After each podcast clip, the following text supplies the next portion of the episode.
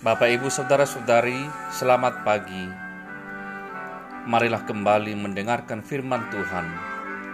Hari ini Selasa 5 Mei 2020. Tertulis dalam kitab Injil Matius pasal 18 ayat 14. Demikian juga Bapamu yang di sorga tidak menghendaki supaya seorang pun dari anak-anak ini hilang.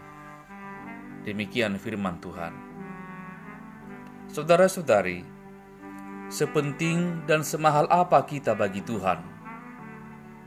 Digambarkan dalam perikop domba yang hilang ini, dari antara seratus ekor domba, ada satu saja yang tersesat, maka sang gembala akan meninggalkan 99 domba lainnya dan pergi mencari hingga dapat satu domba yang hilang itu. Begitulah hati Tuhan bagi setiap orang pendosa. Tuhan sebagai gembala kita akan menunggu bahkan mencari hingga ditemukan dan kembali padanya. Justru kebalikannya, dunia sering mengabaikan, meremehkan, bahkan mengucapkan, "Ah, tidak mengapa, yang hilang hanya satu saja kok."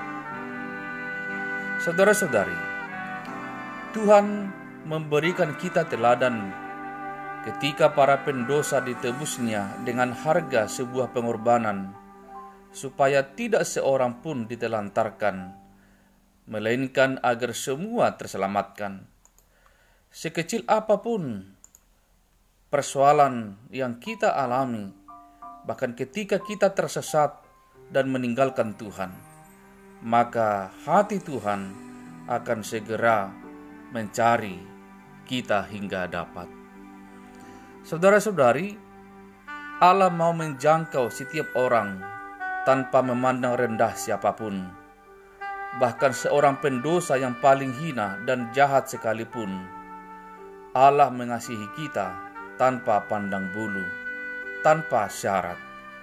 Karena tidak menghendaki seorang pun dari manusia hilang dan tersesat dari hadapannya.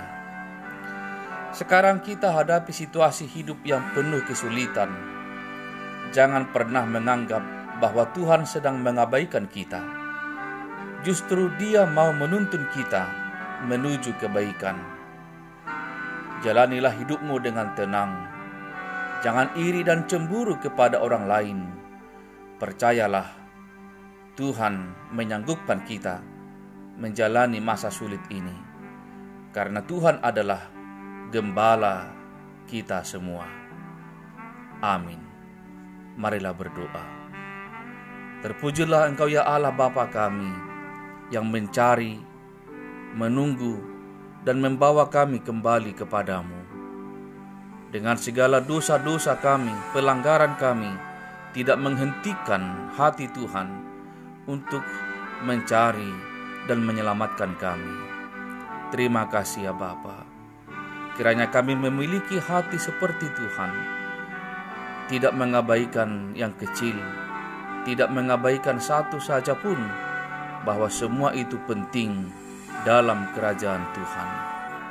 Berkatilah seluruh jemaatmu dalam kesulitan yang kami alami. Biarlah kami semua tetap bergembira, bersemangat menjalani hari-hari kami karena kami meyakini bahwa Tuhanlah gembala kami. Dalam Yesus kami berdoa.